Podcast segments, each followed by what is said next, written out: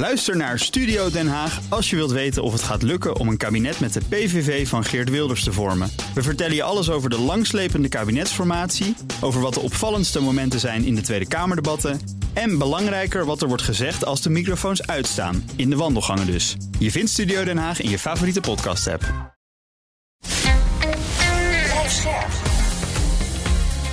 BNR Nieuwsradio. Boekenstein en de Wijk. Hugo Reitsma. Welkom bij Boekenstein en de Wijk. Het is vrijdag, dag 527 van de oorlog in Oekraïne. Bij ons is HCSS defensiespecialist Patrick Bolder. En zullen wij eens beginnen op de grond of op zee? Uh, op de grond eventjes. Uh, als we beginnen in het noordoosten. Ik weet niet waarom de hond blaft. Laten we even over. Kijk, nu is mijn kat een keer stil, Patrick. Is wat met die dieren, hè. We beginnen zo gewoon. Of je zegt gewoon, ik ben op bezoek bij Poetin en die heeft een grote herder. Nee, het is een Frans buldoggetje. Tjoek, kom eens hier. Ik heb nou de gordijnen dicht, je hoort niks, je ziet niks. We gaan het gewoon proberen. Ja. Oké, Patrick, concentreer je. Nou, we beginnen op de grond in het uh, noordoosten. Uh, die bekende banaanvorm van dat uh, front. provincie Luhansk is dat. ja, Rusland lijkt toch steeds weer iets terrein te winnen. Komt steeds iets verder naar het westen. In die beroemde Kupiansk-Svatove-lijn. Worden wel heel hard gevochten, ook vooral bij Novoseliske. maar ook gevechten bij Bilohorivka. waar de Russen ook marginale winst boeken. En dat is iets verder naar het zuiden. als je nog verder naar het zuiden gaat, kom je bij Krimina. En daar boeken de Oekraïners weer wat winst. En even verder naar het zuiden is Bakhmut. En er vinden daar echt heel veel gevechten plaats, vooral net zuid van Bakhmut. En daar drukken de Oekraïners meer en meer en meer tegen de Russen aan. Ja, en ik kan me niet voorstellen dat dat echte uh, offensief wat de Oekraïners daar gaan doen, niet ver weg is. Nog verder, Avdiivka, dat is ook zo'n rare punt eigenlijk, die bijna uh, omsloten kan worden door de Russen. Dat lukt ze nog maar steeds niet. Daar wordt ook hard gevochten, maar weinig verandering eigenlijk. Maar het blijkt wel, lijkt wel dat de Oekraïners daar in de diepte weer ver achter de linies uh, bij Donetsk stad aanvallen uitvoeren. Verder naar het zuiden en het westen, dus bij Staromajorske wordt hard gevochten. En volgens de Oekraïners nog iets verder naar het westen, uh, in het front van het noorden naar het zuiden, zijn ze 650 meter naar het zuiden gekomen. Hebben oude Russische, of nou, niet oud, maar voormalige Russische uh, loopgraven ingenomen. En zijn dus een stukje verder richting Melitopol gekomen. Ook aan de Dnipro-oever wordt nog steeds van die plaagstootjes uitgedeeld door de Oekraïnse troepen, waar de Russen steeds op moeten reageren. Maar wat je ook nog steeds ziet, is die dagelijkse aanvallen op de Russische artillerie en op de luchtverdedigingssystemen. En ook de afgelopen dagen steeds twintig stuks artillerie vernietigd, ook vannacht weer. En één, twee uh, luchtverdedigingssystemen. Dus met andere woorden, Oekraïne is helemaal weer terug naar de oude uh, aanpak van probeer achter de linies uh, dingen uit te schakelen. Hè? Ja, om de condities voor de lange termijn gunstig te maken voor Oekraïne inderdaad. Ja, hey, zullen we de, de blik nou eens uh, naar zee wenden? Want daar is wel wat uh, spectaculairs gebeurd, hè? Zeg dat wel, zeg. Er zijn filmpjes. Als je aan een drone denkt, dan denk je eigenlijk een beetje altijd aan een drone die in de lucht zit, hè? Maar je hebt dus ook van die zeedrones, die maritieme drones. En er zijn van die filmpjes op internet en dan zie je dus zo'n, ja, een soort grote kano of zo, maar dan een mm -hmm. hele grote. Die zie je met grote snelheid, want er zit een cameraatje op, varen naar een groot Russisch schip. En op een gegeven moment eindigt het dan in het zwart, hè? Nou, de Russen ontkennen dat er iets gebeurd is, maar het is toch wel heel duidelijk dat er een schip uh, aan een touw wordt getrokken weer naar de havens met drie van die uh, loodsboten. Dus het is Oekraïne gewoon gelukt. En hij helpt ook flink over naar uh, ja. bakboord, moet je dan zeggen. Ja. ja. Overigens, dit is ook de manier waarop die Kertsbrug op 17 juli is aangevallen. Hè? Ook zo'n maritieme drone, die is daar tegen zo'n pijler gevaren, is geëxplodeerd, heeft dat dekbed, wegdek eerst opgetild en is daarna neergeknald, ja, dan, dan is het niet meer begaanbaar. We praten dus over de haven de, in uh, Zuidwest-Rusland, Novorossiysk, hele belangrijke ja. haven, ook voor de Zwarte Zeevloot. Ja, en als, als de uh, Oekraïners in staat zijn met zo'n goede maritieme drone dit soort dingen te doen, dan zou ik denken dat dat vaker gaat gebeuren. Ja, en vanuit Odessa ja. is het ook nog eens een keer ruim 700 kilometer varen. Ja, ik zat ook nog te kijken hoe ver dat is. En ik zag een bericht dat de, de nieuwste Oekraïnse zeedrones zouden een bereik hebben tot 800 kilometer. Maar wat ik zo zat, een beetje op de kaart zag, dat heb je bijna wel nodig om, uh, om helemaal ja. op Novorossiysk uit te komen. Exact, ja. 800 kilometer. En, ja, en, ook... en wat me nog verbaast is, hoe, hoe doen ze dan die aansturing? Want je ziet dat die drone eigenlijk wordt bestuurd hè, op het laatste moment. Ja. Maar over zo'n afstand uh, een radioverbinding opzetten, dat moet je haast wel doen via satellieten. Lijkt me Uh, ook. we hebben van Elon Musk begrepen dat hij Starlink-netwerk daar niet voor wil gebruiken. Ik weet niet of hij dat kan uitzetten, maar um, daar moet ik eens even induiken hoe ze dat dan doen. Ja. Ja. Ik geloof dat die rekening van Starlink wordt dan door de Amerikanen betaald of zo, las ik wel eens. Ja, zeker. Door de Ja, Amerikaanse van Defensie. Hey, jongens, ook op de Krim, daar heb je dus Feodosia, is ook een haven met een groot oliedepot. Daar zijn volgens mij luchtdrones op eh, Ja. Gevallen. Wat daar de gevolgen van zijn, dat weet ik niet. Dat weet ik niet. Nee, er zijn wel resten gevallen. Volgens de Russen zijn ze allemaal uit de lucht gehaald. Maar ja, dan moet je maar geloven dat het waar is wat ze zeggen. Want ze ook over die maritieme drones zeiden, we hebben ze allebei vernietigd. Maar waarom komt dat schip dan op één oor te liggen? Ja. Ehm, en, en de resten zijn er wel bij zo'n ol- oliedepot eh, neergevallen, maar blijkbaar nog geen brand veroorzaakt. Dus Nee. wellicht zijn ze inderdaad onschadelijk gemaakt. En wij kennen die, die plaats Novorossiysk, je, in Zuidwest-Rusland, kennen wij van het feit dat de sancties daar dus niet eh, golden. Hè? En daar kon dus Russisch graan geëxporteerd worden en kunstmest. En ook de banken en de verzekeraars zouden daar kunnen participeren. Rusland zegt, ja, maar zonder SWIFT en zo hebben- kunnen we het allemaal niet doen. Terwijl ik ook weer een rapport las een paar dagen geleden. Het is wel degelijk zo dat Rusland heel veel graan heeft eh, verkocht. Dus ook Hmm. dat liegen ze. Huh. Eh, en, en daar kennen we dus die plaats van. Hè? Dat, dat, daar kan het dus gebeuren. En Nou, ik kende die plaats van toen voor het eerst bleek dat Oekraïne Sevastopol kon bereiken, de, de grote Zwarte Zeehaven op de Krim. Dat toen dus een deel van de Russische Zwarte Zeevloot uitweek naar Novorossiysk. Ja. Maar daar liggen ze dus nu ook al onder vuur. Ja. Ja, nergens zijn ze veilig. En dat is natuurlijk het idee wat Oekraïne aan de Russen wil geven. En ook, ehm, ja, jullie vallen ons aan in onze havens voor onze graantransport. Wij kunnen dat ook bij jullie. En, eh, ja. Hey, en als dit zo doorgaat, en we weten dus dat die droneproductie enorm is opgevoerd in Oekraïne, dan begin ik wat optimistischer te worden over de kansen van Oekraïne. Als ze ook in staat zijn om die oliedepots op te blazen. Hè? Als ze in staat zijn om de Zwarte Zee-vloot te, te kleiner te maken. Dus dat is niet allemaal zonder militaire betekenis, toch, jongens? Nee, dat is een belangrijke machtsfactor die daar in het spel komt. Patrick, jij wist iets meer over die, die nieuwste Oekraïnse drones, begreep ik dat goed? Nou ja, wa- wat je ziet in deze oorlog is, eh, en dat was natuurlijk wel te verwachten, een enorme ontwikkeling van allerlei drones. Eh, ook Rusland bouwt nieuwe drones, maar ook Oekraïne bouwt eh, verschillende typen drones met een enorm bereik. en ook kruisraketten met een bereik van zo'n 140 kilometer, de Trembita. En die, eh, ja, die kan behoorlijk eh, effectief zijn, maar die kan nog een flinke explosieve lading meenemen. En ze kunnen ze ook in hele grote aantallen bouwen. Dus dat is dan weer een wapen wat erbij komt, wat de Oekraïne zelf bouwt. Dus dat mag dan ook volgens de regels in Rusland worden gebruikt. Hè? Want al die westerse wapens, Ja, ja. die mogen niet in Rusland worden ingezet van met name Amerika. Ehm, maar deze bouwen ze zelf, dus die kunnen ze daar mooi voor gebruiken. Er staat een heel mooi stuk in de New York Times. Dat is meneer Igor Lachenko. Lachenko, dat is gewoon een influencer. Die kennen we hier van de pillen en de, en de lippenstift. Hè? Maar dat is dus een serieuze influencer. En die is vijf maanden bezig is met fundraising, dus geld van het Westen. En dat wordt allemaal gepompt in dat eh, drone-project. Ja, ja. ja. Dat is echt indrukwekkend. Nou, dan moet ik misschien iets zeggen, even een, een, een diplomatiek blokje. Hugo, mag dat? Oh ja, laten we dat doen. Eh, Veiligheidsraad geloof ik, hè? Ja, Blinken zat dus in de Veiligheidsraad. In augustus is eh, Amerika een maand eh, voorzitter. Hè? Nou, die zegt dus nu in een verklaring van... Confront Russia and say enough. Dus eh, hij roept elk land op, elke regering op van... eh, zeg toch tegen Rusland dat dat niet kan. Dat je dus eh, voedsel gebruikt... of, of zeg maar honger inzet als wapen. Dat kan toch eigenlijk helemaal niet, hè?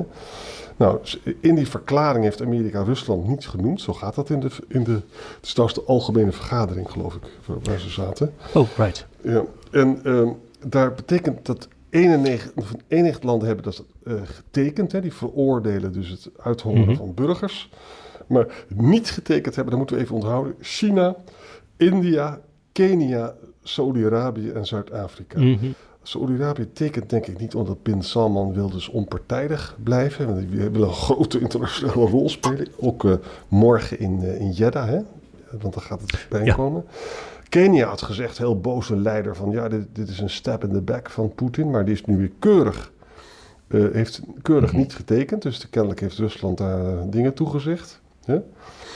En eh, ja, het is wel zo dat, dat er toch wel steeds meer landen dit soort dingen dan toch afwijzen. Hm. 91 Nou, landen. Hoe kan je dat dan, ehm, zeg maar, ethisch voor jezelf verklaren als land dat je blijkbaar goed vindt dan dat, dat voedsel als wapen wordt gebruikt? Dat het geoorloofd is om mensen te laten verhongeren? En dan gebruik je het argument van ja, we willen graag eh, meewerken aan vredesonderhandelingen. Dat kan China zeggen, dat kan Afrika zeggen. En dat kan ook Saoedi-Arabië zeggen en zelfs Zuid-Afrika. En dan moeten we dus onpartijdig blijven, weet je wel. Dat soort argumenten gebruiken. Ja, maar Rusland werd niet genoemd. Dus het is niet een voordeling, directe voordeling Ja, van is- Rusland. Het is meer het principe van honger mag je niet als wapen gebruiken. Nou ja, Ja, het, is, het is inderdaad opmerkelijk, ja. Het is opmerkelijk. Nou, we hebben nog twee kleine dingetjes bij de diplomatieke. China komt misschien wel naar Jeddah morgen, zegt, zeggen Duitse diplomaten. Ja, En Japan gaat naar Iran om aan Iran te verzoeken om nou met die Mhm. dronesleveranties aan Rusland te stoppen. bijzonder. Ja, dat is bijzonder, ja. alles is in beweging gekomen. Ja, ja. heel spannend vind ik het. Nou, nog even Navalny misschien. Hè? Ja, Dat is natuurlijk gewoon echt, die man wordt gewoon helemaal kapot gemaakt. Hij ziet er ook niet uit. Zijn ouders hebben al een jaar lang hem niet mogen bezoeken. Het, hij wordt gewoon dus achter gesloten deuren zijn er eh, hearings. Hè? In de, en die hearings zijn in de gevangenis ook. Hij zit in een verschrikkelijke gevangenis eh 100 kilometer ten oosten van eh, Mhm. Moskou. Eh, nou, hij heeft al negen jaar die hij uitzit en hij krijgt er ongetwijfeld nog twintig bij eh, vandaag. En zijn vriend die dat YouTube-kanaal eh, voor hem beheerde, dat enorm veel kijkers had, Daniel Collodi, die krijgt waarschijnlijk tien jaar. Poetin wil die man dus gewoon eh, weg laten kwijnen in een gevangenis. Hè? Hmm. Dat is wat er gebeurt. Vreselijk. Echt vreselijk.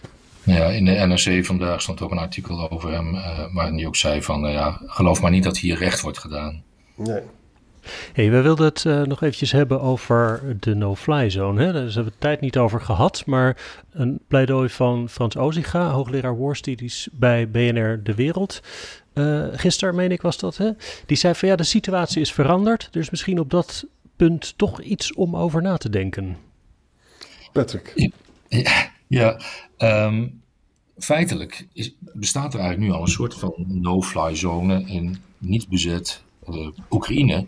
Want met behulp van alle wapensystemen die wij hebben geschonken als Westen, eh luchtverdedigingsmiddelen, hebben we nu al afgedwongen dat Rusland niet of nauwelijks boven het front en zeker niet boven Oekraïne zelf kan opereren. Wat je ook ziet, de lange afstandsraketten die worden afgevuurd vanaf de Kaspische Zee. Tupolev eh, 95 en uh, Tupolev 160 stijgen op, vliegen boven de Kaspische Zee, vuren hun raketten op Oekraïne af en keren dan om. Eh, ook de Russische gevechtstoestellen, ze hebben er 300, 400 moderne staan, die durven ze niet boven Oekraïne te laten vliegen, omdat die gewoon kwetsbaar zijn tegen alle moderne westerse systemen. Dus Ja. wat dat zou je kunnen zeggen, voor een deel van Oekraïne eh, geldt er een soort no-fly zone, of is Oekraïne in staat om gebruik van het luchtruim te ontzeggen. Nou, wat je eigenlijk wil, is natuurlijk dat heel Oekraïne onder een no-fly zone zou vallen. Ehm, Oekraïne werkt er ook al aan door middel van die, die aanval in de diepte, waar we het al een paar dagen over hebben. Iedere dag sneuvelen wel 1, 2 of 3 luchtverdedigingssystemen, S-300, S-400 en Boeks. Ehm, en, en hoe minder Rusland er heeft, en als Oekraïne er ook nog eens in slaagt met die drones waar we het net over hadden, als we die, als we die nog meer inzetten Hm. richting Rusland zelf, ja, dan zijn die ook, is Rusland ook gedwongen om luchtverdedigingsmiddelen naar Rusland zelf te trekken. Dus uit Oekraïne, uit Donbass, uit provincie Zaporizhia. Ehm, dat is dan één deel, dat is de grondgebonden luchtverdediging. Daarnaast heb je ook de, de lucht, het luchtelement, en dat doe je dan met vliegtuigen. Ehm, d- dat klinkt makkelijker dan dat het gedaan is, wordt. Ehm, dat betekent dat je eigenlijk continu zogenaamde combat air patrols moet vliegen boven het gebied waar je andere vliegtuigen uit wil verjagen. Mhm. Dan moet je dus eerst een heel goed beeld hebben, wat vliegt er dan allemaal? En daarvoor heb je dan weer zo'n zogenaamde AWACS vliegtuig voor nodig. Ehm, dat is zo'n zo'n Boeing 707. Er staan er een stel in Geilenkirchen, eh, net over de grens bij België. Ehm, kunnen heel lang rondvliegen en die hebben een grote schotel op hun rug. Ja, Ja. ja. Die kunnen echt eh, eh, heel lang blijven rondvliegen en, en een beeld opbouwen van wat, wat vliegt er allemaal in de buurt. En dan moet je echt wel denken aan honderden kilometers ver weg. En er zitten ook mensen aan boord die een vriendelijk jachtvliegtuig op het vijandelijke jachtvliegtuig kunnen afsturen. Uh, op een zodanige manier dat het eigen vriendelijke jachtvliegtuig in een goede positie komt ten opzichte van de Hmm. tegenstander en hem kan neerschieten. Maar wil je zo lang daar rond blijven vliegen, ook met je jachtvliegtuigen, dan heb je ook nog eens een keer tankenvliegtuigen nodig. Die moeten dan ook over Oekraïne vliegen. Nou, zowel de tankvliegtuigen als de AWACS-vliegtuigen, dat zijn, daar hebben we er eigenlijk niet zo heel veel van. Ze zijn ook nog eens heel kostbaar. Um, en zijn dus lonende doelen voor Rusland. Nou, kan je allemaal organiseren, um, maar je moet vooral denken, maar stel je voor dat er iets misgaat. Stel je voor dat mijn AWACS-vliegtuig wordt neergeschoten door Rusland. Stel je voor dat mijn tankvliegtuig wordt neergeschoten. Stel je voor dat mijn een van de twee vliegtuigen die Combat Air Patrol missie doen, dus de jagers, echt de F-16's bijvoorbeeld, als die worden neergeschoten, wat doen we dan? Ja. En is dat dan een escalatie of niet? En uh, bovendien, boven Oekraïne vliegen betekent ook nog eens eigenlijk boots on the ground. Nou, zijn niet on the ground, maar over the ground. Maar dat betekent wel dat je dus boven het grondgebied van Oekraïne vliegt. Daarmee ben je de facto direct zelf in oorlog. Ik zag al ook al opmerkingen. Kunnen die vliegers dan niet tijdelijk de Oekraïnse uh, uh, nationaliteit aannemen? Creatief. Dat, ja, het is heel creatief. Um, wettelijk weet ik niet precies hoe het zit, maar volgens mij mag je niet als je in krijgsdienst bent, ja. voor een ander land een militaire missie gaan uitvoeren. Uh, of, of je, wordt, je verliest je Nederlanderschap, uh, bij ons in het ja. geval. Dus ja, dat, dat ligt heel erg ingewikkeld. Um, maar als je al die, die, die escalatiestappen een beetje afpelt, wat, wat doen, je moet vooral van tevoren nadenken, wat wil je doen en wat wordt je reactie? En dat je niet op het laatste moment uh, denkt van, oh, kak, daar had ik niet aan gedacht. Ja. Uh, wat moeten we nu doen? Ja. Uh, en dat is eigenlijk wel het belangrijkste. Maar bovendien wil je dat hele spel doen, dan heb je ook nog een planningselement op de grond nodig. Nou, je hebt voldoende vliegtuigen nodig. Noem maar op, noem maar op. Um, dat maakt het natuurlijk wel ingewikkeld. De facto, wat ik zeg, hè, boven het grootste deel van Oekraïne is er nu een soort van no-fly zone. Alleen de raketten en de, en de drones, uh, de kruisraketten, uh, de Iskanders en de Kinzals. Hm. Ja, de, die zijn ook lastig neer te halen als je een F-16 hebt hoor. Misschien ja, ja, oké. Okay. Dus ja. je maakt het ook nooit helemaal waterdicht. Wat je vooral zou moeten doen, denk ik, boven het front zorgen dat de Oekraïnse luchtmacht vrijheid van optreden heeft. Door met name de luchtverdedigingssystemen van de Russen te vernietigen.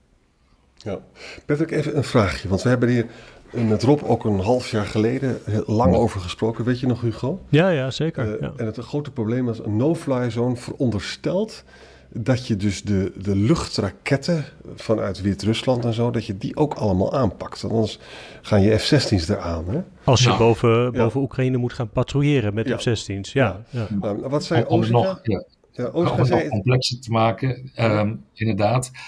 Wat zijn ook je rules of engagement? Wanneer, als er iets op mij afkomt en het vliegt nog boven Belarus, het vliegt nog boven Rusland, maar het heeft een dreigende houding. Uh, wanneer ga ik het neerschieten? Ja, ga ik dan wachten tot het over de grens is? Of moet ik het al niet eerder pakken? Want als het over de grens is, kan het daar misschien al bommen of raketten loslaten. Precies, um, ja. Dat komt er dan ook nog een keer bij. En als je dus al iets neerschiet, als het nog bo niet boven Oekraïne is, ja, dan heb je weer het volgende probleem. Um, maar even terug dus ja, naar Ozinga. Maar Ozinga zegt iets heel genuanceerd. Hij zegt, we moeten er alleen maar over nadenken, we moeten het zeker nog niet uitvoeren. Maar zo, mijn argument gaat als volgt. De Russische vliegtuigen, waarvan er een, een behoorlijk aantal overigens zijn uh, uitgeschakeld, hè, maar ze hebben er nog 400 over. Uh, die durven dus absoluut niet over de frontlijn te gaan. Er zijn dus helemaal geen Russische vliegtuigen in West-Oekraïne. Ja? Klopt. En wat ze dus wel doen, is dat ze op allerlei manieren raketten en drones uh, sturen op Odessa. En daar zetten ze gewoon de civiele structuur, de graanstructuur, de infrastructuur, dit ze kapot te maken. Hè? Nou, een F-16 kan dus uh, kruisraketten neerhalen en zelfs ook drones suggereren die. Hè? Dat wist ik niet. Uh, ja, alleen, nou, alleen dat, is, lastig, ja, het is niet waterdicht en dat is natuurlijk een groot probleem. Maar goed, zijn, maar zijn punt is natuurlijk van ja, als wij dus Ismail aan de Donau kapot laten gaan en ook Odessa, dat is natuurlijk wel een ongelooflijke toestand. En dus hij probeert iets te bedenken om daar iets tegen te doen. Je hoeft het niet eens uit te voeren, maar als je het, dit aan zou kondigen, dan zou Poetin daar het zou een signaal uitzenden naar Poetin. hè. Van, eh, en dat vind ik er interessant aan. Maar waar ik gewoon bang voor ben, ik zou als ik Poetin was, dan zou ik dus vreselijke eh, mobiele raketten in Wit-Rusland neerzetten. En dan knal ik daar vandaan naar die no-fly zone bij Odessa. Ja, En- en Ja, ik dat, is, een- Ja. dat, dat, is wel het probleem. Je, je, je maakt het nooit waterdicht. En dat is ook, weet je, Rusland met al die raketten en al die drones probeert ze natuurlijk ook de Oekraïnse luchtverdediging uit te putten. Eh, en ook weg te houden van de frontzone. Dus het spel wordt beide kanten opgespeeld. Eh, en daarom is het ook zo van belang. Willen, willen we in ieder geval zorgen dat Oekraïne, eh, West-Oekraïne een beetje veilig blijft. En dat er niet te veel eh, Russische luchtmacht boven het front de Russische soldaten helpt dan moeten we dus wel luchtverdedigingsmiddelen, die grondgebonden luchtverdedigingsmiddelen, blijven leveren. Nou, je hebt nooit genoeg daarvan. Een Patriot die, die kijkt niet rondom, maar die kijkt in een hoek van 150 graden naar voren. Kan wel een, een kilometer of 60 vooruit kijken en doelen aanpakken. Ehm, maar die hele frontlijn is 1000 kilometer. En ehm, eh, die Patriot die kijkt ook maar in de breedte iets van 50 kilometer. Dus daar heb je er een heleboel van nodig. En dat is wel een beetje het probleem natuurlijk hier. Uh, en je maakt het nooit helemaal waterdicht. Zeker niet als er een heleboel doelen worden aangeboden tegelijkertijd. En dat doet Rusland natuurlijk ook. Dan moet je echt gaan prioriteren. Welk doel pak ik het eerste aan? Welk doel valt mogelijk naast uh, uh, kritische infrastructuur? En laat ik dus gaan om te zorgen dat ik het belangrijkste uh, aanvalsdoel wel pak. Nou, dan moet je ook heel erg goede command and control over hebben. Daar hadden we het nog niet over gehad. Um, maar dan moet je dus ook ergens centraal een, een, een, kantoor hebben waar mensen heel snel beslissingen kunnen nemen van dit wapensysteem, kijk naar die kant en haal deze raketten neer en dit ja. wapensysteem. Nou ja, zo, dat is de complexiteit daarachter. Uh, dus het is heel snel, het zijn drie kleine woordjes, no-fly zone, de langste woordjes, die letters. Maar de hele theorie daarachter en de praktijk daarachter is heel erg ingewikkeld. En dan maar, nog, maar dan, maar dan één land alleen kan het niet alleen doen. Je moet dat in gezamenlijkheid doen. En krijgen we politiek alles op elkaar om dit ook te gaan doen. Maar, maar Patrick, nu een vraag. hè. Ook, we moeten ook de kosten behandelen van als je dit dus allemaal niet doet. Hè? Je doet het gewoon niet omdat het gewoon te gevaarlijk is en een escalatiegevaar heeft. Hè? Dat betekent dan dus dat uh, Poetin doorgaat om die agrarische infrastructuur helemaal kapot te maken. Aan gort te Zeker. schieten. Nou, dat is redelijk rampzalig. Om, ook omdat het gewoon Oekraïne geen economische uh, uh, s- uh, staat nog kan zijn. Een Ja, vitale ja, ja. staat. Ja. Dus je moet hier misschien toch een beetje risico nemen, durven nemen. Ik denk dat het signaal, als het Westen daar serieus over gaat praten, en ook op politiek niveau, want uiteindelijk is het natuurlijk een politieke beslissing, dat er een behoorlijk signaal uitgaat naar Poetin van, ja, wij zijn hier echt wel in voor de long run. En dat signaal is natuurlijk al een paar keer gegeven. Maar het is ook wel een beetje een stok achter de deur, uh, met zoals de attackams nog niet geleverd worden, totdat R- Rusland een rode lijn overschrijdt. Um, kunnen we zeggen, we zijn nu bezig met de planning, maar we doen het nog niet, maar we staan er wel klaar voor om een no-fly zone af te dwingen. Ja. Nou, complex genoeg, zoals ik hopelijk in een paar zinnen uh, in, in fatsoenlijk Nederlands heb proberen te schetsen. Want het is natuurlijk vol met jargon als ik helemaal los ga. Het is makkelijk geroepen, maar de uitvoering daarvan vraagt nog wat. Duidelijk. Dank Patrick en Arjan en tot morgen. Tot morgen. Morgen. Ook Bas van Werven vind je in de BNR-app. Ja, je kunt live naar mij en Iwan luisteren tijdens de ochtendspits. Je krijgt een melding van Breaking News. En niet alleen onze podcast Ochtendnieuws, maar alle BNR-podcasts vind je in de app. Download nu de gratis BNR-app en blijf scherp.